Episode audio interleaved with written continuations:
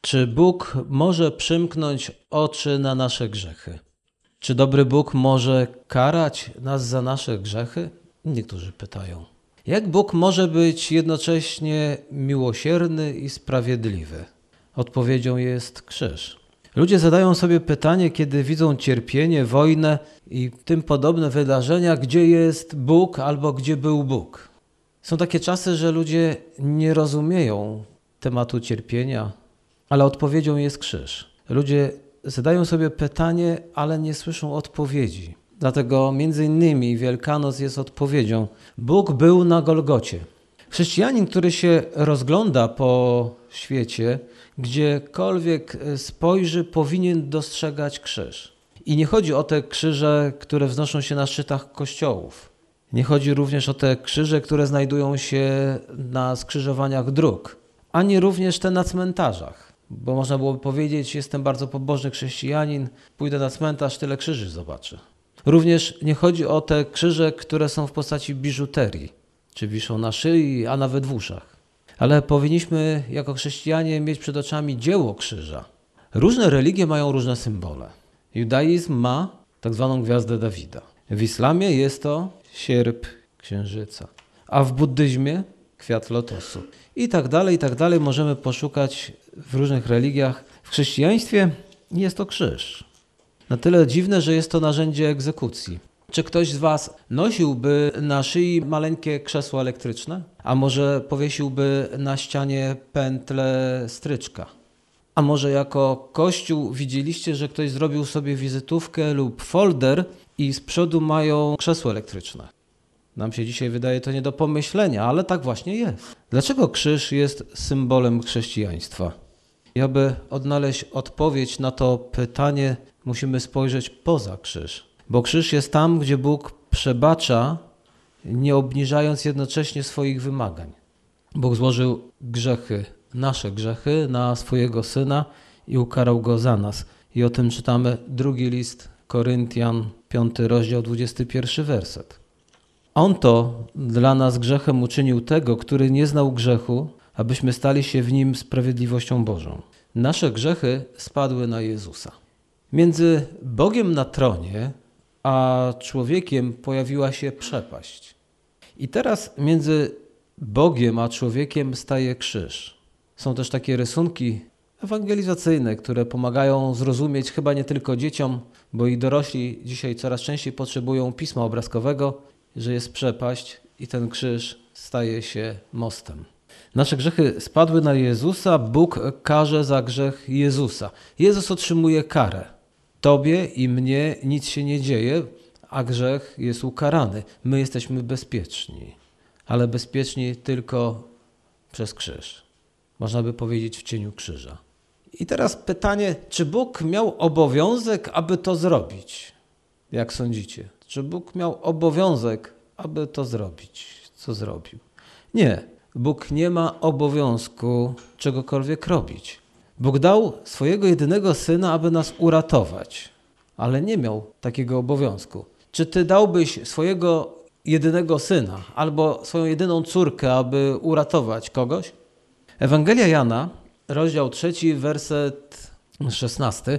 Na marginesie wspomnę jeden z najbardziej używanych wersetów popularnych w Stanach Zjednoczonych w 2021 roku, a tak naprawdę to najbardziej popularny werset. Tak wynikało z pewnych badań, które zostały przeprowadzone. Nie wiem, jaki jest w Polsce, nikt tych badań u nas nie prowadzi, tam udało się to stwierdzić. I ten fragment w Biblii mówi: Tak bowiem Bóg umiłował świat, że syna swego jednorodzonego dał, aby każdy, kto w niego wierzy, nie zginął, ale miał życie wieczne. I mam parę pytań, ale nie musicie głośno odpowiadać, choć zapewne w co niektórych e, kościołach, szczególnie może tak zwanych czarnych, zapewne byłoby teraz dużo, dużo odpowiedzi, duże poruszenie. Ale czy nie cieszy Cię to, że ten werset nie brzmi tak bowiem Bóg umiłował bogatych, albo tak Bóg bowiem umiłował znanych, tak bowiem Bóg umiłował szczupłych. Nie jest też powiedziane tak Bóg bowiem umiłował Amerykanów albo Afrykanów. Choć zapewne kilku Polaków by polemizowało z tym, no bo jaki naród Bóg najbardziej umiłował według nich? Jaki to naród jest wybrany? Oni mają na to odpowiedź. Jaką? Polska. Nie jest też powiedziane, tak bowiem Bóg umiłował rozsądnych i osiągających sukcesy. Ani tak bowiem Bóg umiłował młodych albo starych. Choć czasem mam wrażenie, że chrześcijanie są tacy, którzy w to wierzą, że Bóg umiłował młodych. Czemu? No bo więcej jest służb zaadresowanych do dzieci, więcej się powołujemy na dzieci, niż na to, że są potrzebujący ludzie w podeszłym wieku. Nawet przy okazji mówienia o wojnie na Ukrainie, ciągle podaje się liczbę, ile zginęło dzieci, za to nie ciągle się podaje, ile zginęło osób starszych. Mówiąc krótko, w ogóle nie słyszałem, żeby podali, ile zginęło osób starszych. Dlatego mam takie wrażenie, że chrześcijanie czasami nie wiedzą o tym, że Pan Bóg kocha wszystkich i do wszystkich jest zaadresowane dzieło krzyża. Jak wielka jest Boża miłość? Dostatecznie wielka, by ogarnąć cały świat. Ten werset o tym mówi. Tak bowiem Bóg umiłował świat. I są środowiska, które wykluczają ludzi, jak powiedziałem, na przykład nie zrzeszają ludzi nieinteligentnych albo nie przyjmują do swojego grona pracowników, jeśli brakuje im kwalifikacji. Rozumiem, w biznesie, w klubach, no ale są również kościoły chrześcijańskie, takie grupy, które potrafią wykluczać innych, bo nie są wystarczająco dobrzy, utalentowani, aby mogli z nimi się modlić. Nie spełniają też pewnych kryteriów. Przykład, nie możesz się modlić, droga siostro, bo masz głowę odkrytą. Trzeba nakryć chustką. Wtedy wolno ci się z nami pomodlić. Choć inni mogą cię wykluczać, to Jezus przyjmuje wszystkich, którzy są skruszeni, którzy przychodzą do Jezusa i wołają Jego o pomoc. Jezus ich przyjmuje, bo Jezus umarł za wszystkich, za mądrych i tych mądrych inaczej, i tak dalej. I Boża łaska wciąż trwa. Bóg czeka na tych, którzy są skruszeni. Bóg chce przemienić tragedię w zwycięstwo. Taka jest już Jego natura. I taki jest też Jego cel, aby to, co wszystko, co człowiek zepsuł, aby go z tego wyprowadzić. I za chwilę to udowodnię, ale zanim się to stanie, to zobaczmy, że Bóg dał dowód tego po najważniejszej historii świata. Ewangelia Jana, 19 rozdział, 38 werset do 40, a może nawet trochę dalej przeczytamy. Potem Józef z Arymatei, który był uczniem Jezusa, lecz ukrytym z obawy przed Żydami, poprosił Piłata, aby mógł zabrać ciało Jezusa, a Piłat zezwolił. Poszedł więc i zabrał jego ciało. Przybył również i Nikodem, ten, który po raz pierwszy przyszedł do Jezusa w nocy i przyniósł około stu funtów mieszaniny mirry i alesu. Zebrali więc ciało Jezusa i obwiązali je w płótna razem z wonnościami, stosownie do żydowskiego sposobu grzebania. A na miejscu, gdzie go ukrzyżowano, był ogród, w ogrodzie zaś nowy grób, w którym jeszcze nie złożono nikogo. Tamto więc, ze względu na żydowski dzień przygotowania, złożono Jezusa, bo grób znajdował się w pobliżu. Cały czas nie jesteśmy w niedzielę. Jest tu wiele bardzo pięknych treści i przesłań dla nas, co do niektórych się odniosę, ale potem pójdziemy dalej. Zobaczcie, Józef i Nikodem byli dość bierni za życia Jezusa. Nawet czytamy o Józefie, lecz był uczniem ukrytym. My znamy już nauczanie Jezusa, że nie stawia się Mamy również taką historię i dzisiaj. W Izraelu, na dzień dzisiejszy, jak czytałem kilka dni temu, są chrześcijanie, którzy się ukrywają. Szczególnie ci, którzy są, i raczej to tej grupy w dużej mierze dotyczy, którzy jako Żydzi uwierzyli w Jezusa Chrystusa. Stali się tak zwanymi Żydami mesjanistycznymi. Dla nich też pewna organizacja chrześcijańska przygotowała stronę internetową i aplikację, aby móc ich umacniać w wierze, dlatego że to oni spotykają się z ogromnym sprzeciwem w Izraelu. Na marginesie od razu powiem, wiecie, jakie najczęściej jest wyszukiwane słowo, słowo religijne w Izraelu? Tak, dokładnie. Jezus. Oczywiście po hebrajsku. Jeszua. Widać ogromne zainteresowanie Jezusem Chrystusem w samym Izraelu.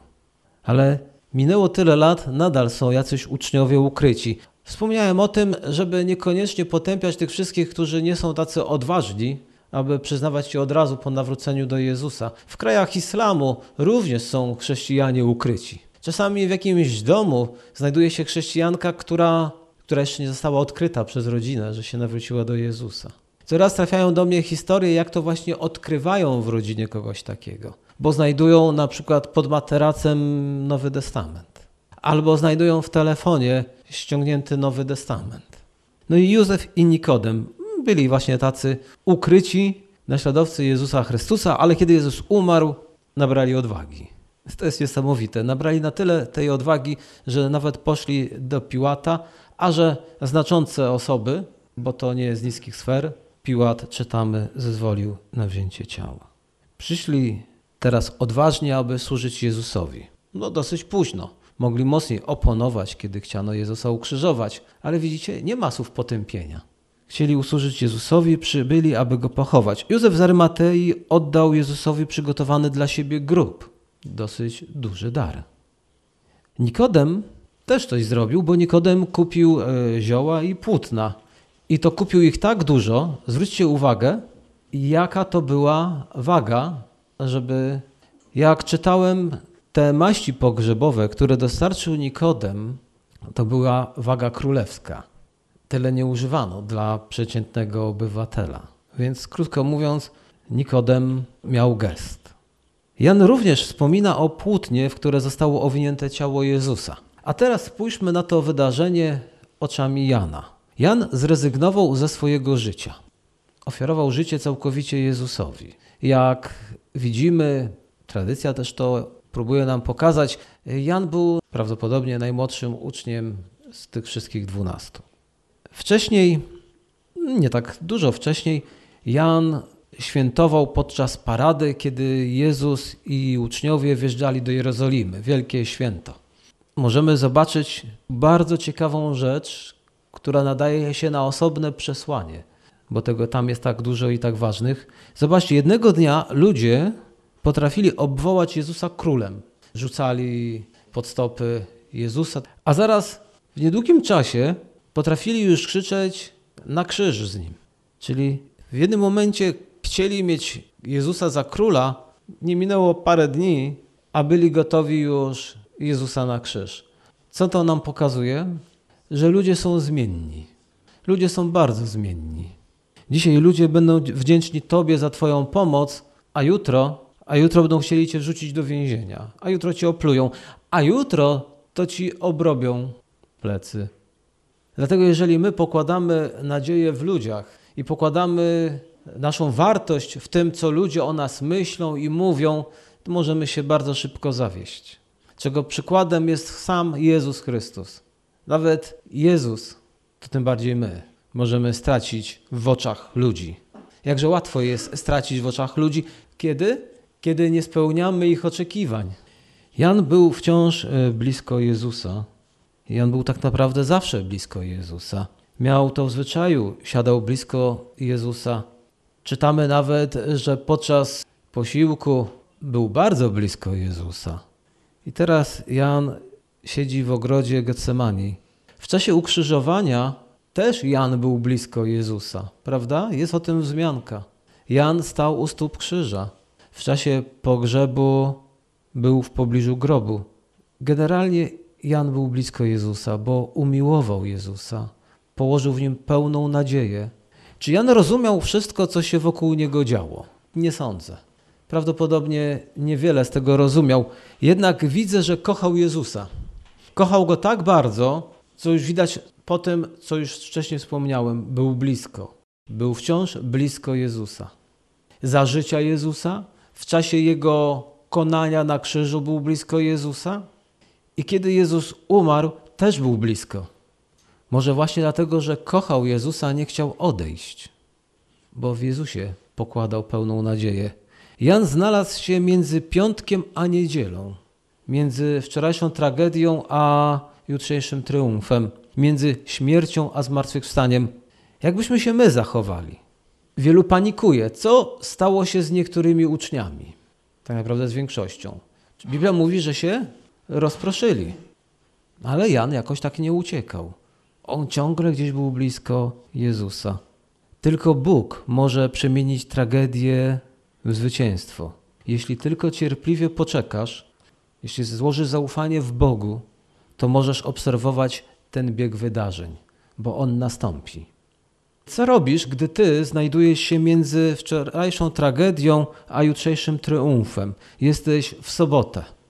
Mogę wam powiedzieć, co robi wielu innych ludzi. Są tacy, co wręcz opuszczają Boga, którzy rezygnują z wiary w Jezusa Chrystusa. Jezus zawiódł ich oczekiwania.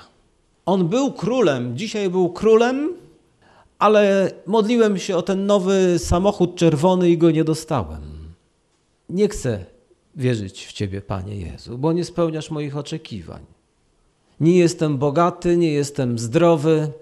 Jak mówiłem poprzedniej niedzieli i będę to kontynuował, niektórzy chrześcijanie głoszą taką nieprawdziwą Ewangelię i oszukują innych, kiedy im mówią przyjdź do Jezusa, a Jezus rozwiąże wszystkie Twoje problemy.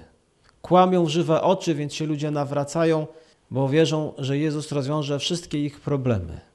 Ale nie jest celem Jezusa, aby rozwiązywać wszystkie według nas nasze problemy. Celem Jezusa jest, aby dać Ci życie.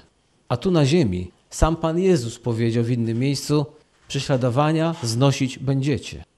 I trzeba przejść przez wiele ucisków, aby dostać się do nieba. O tym mówi Biblia.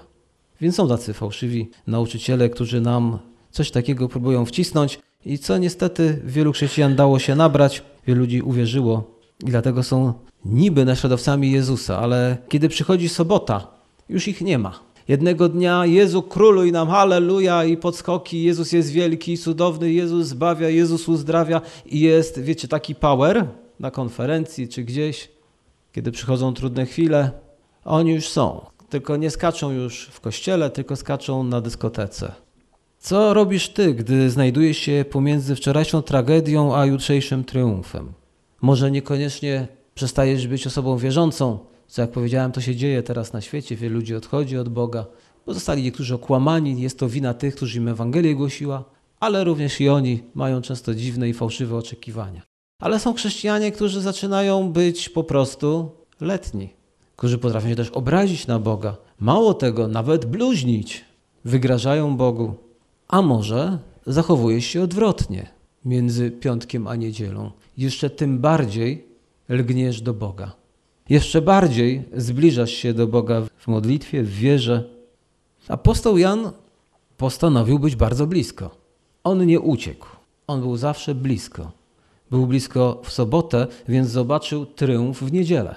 Wielu chrześcijan, którzy zrezygnowało, kiedy przechodzili przez sobotę, można by użyć tu psalmu, kiedy idziesz ciemną doliną.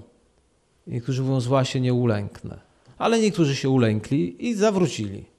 Ale Jan, Jan tym bardziej trwał i dlatego mógł zobaczyć triumf. Kiedy idziesz ciemną doliną, tym bardziej przylgnij do Boga. Kiedy masz sobotę i nie wiesz, co się dzieje, bo była wczoraj tragedia, a nie widać rozwiązania problemu, tym bardziej miłuj Boga i trzymaj się Boga. Bądźmy i my blisko Boga, kiedy nie rozumiemy tego, co się wokół nas dzieje. Kiedy wydaje się, że dzieje się bardzo źle, to tym bardziej zbliżmy się do Boga. Ale tendencja wielu, dobrze, że nie wszystkich, ale wielu jest taka, że wtedy ich wiara słabnie. Wtedy zaczynają się oddalać. Nie. Zróbmy wręcz to, co należy. Jeszcze bardziej zbliżmy się do Boga. I kiedy się to stanie, zobaczymy triumf. Ewangelia Jana, 20 rozdział, przeczytajmy od drugiego do ósmego wersetu. A pierwszego dnia po szabacie, wczesnym rankiem, gdy jeszcze było ciemno, Maria Magdalena udała się do grobu i zobaczyła kamień odsunięty od grobu. Pobiegła więc i przybyła do Szymona Piotra i do drugiego ucznia, którego Jezus kochał, i rzekła do nich: Zabrano pana z grobu i nie wiem, gdzie go położono. Wyszedł więc Piotr i ów drugi uczeń i szli do grobu. Biegli oni obydwaj razem, lecz ów drugi uczeń wyprzedził Piotra i przybył pierwszy do grobu. A kiedy się nachylił, zobaczył leżące płótna, jednakże nie wszedł do środka. Nadszedł potem także Szymon Piotr, idący za nim. Wszedł on do wnętrza grobu i ujrzał leżące płótna oraz chustę, która była na jego głowie, leżącą nie razem z płótnami, ale oddzielnie zwiniętą na jednym miejscu. Wtedy wszedł do wnętrza także i ów drugi uczeń, który przybył pierwszy do grobu, ujrzał i uwierzył. Piękny fragment. Jest tak tu dużo treści, ale że święta i chciałby was puścić do domu, pozwolę sobie powiedzieć krótko. Bardzo wczesnym rankiem w niedzielę Piotr i Jan czyli jesteśmy już, dotarliśmy do niedzieli. Piotr i Jan usłyszeli dosyć zadziwiającą wiadomość. Ciało Jezusa zniknęło. Maria na pewno była pełna emocji. Poszła, a może nawet pobiegła, poinformowała o tym, że jacyś wrogowie zabrali ciało Jezusa Chrystusa. Dwóch uczniów bardzo szybko pośpieszyło do grobu i teraz widzimy, co zrobił Jan. Wyprzedził Piotra, dotarł do miejsca jako pierwszy. Znowu widzimy Jana, który jest pierwszy gdzieś, gdzie sprawa dotyczy Jezusa. Jest blisko, jest pierwszy. A to, co zobaczył, zrobiło na nim ogromne wrażenie. Tak ogromne, że czytamy: ujrzał i uwierzył. Co takiego ujrzał, że uwierzył? Niektórzy mówią, że pusty grób. Nie, nie dlatego uwierzył, że zobaczył pusty grób. Dlatego, że gdyby to miał być tylko pusty grób, to właśnie to było to wiadomość.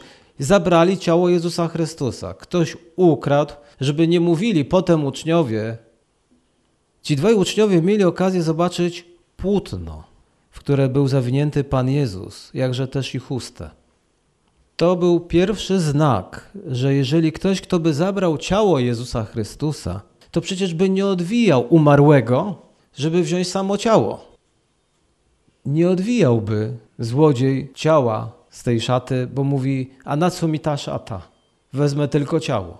I czy byłby to wróg, czy przyjaciel tego by nie robił? A potem jeszcze obok położył, ładnie i złożył.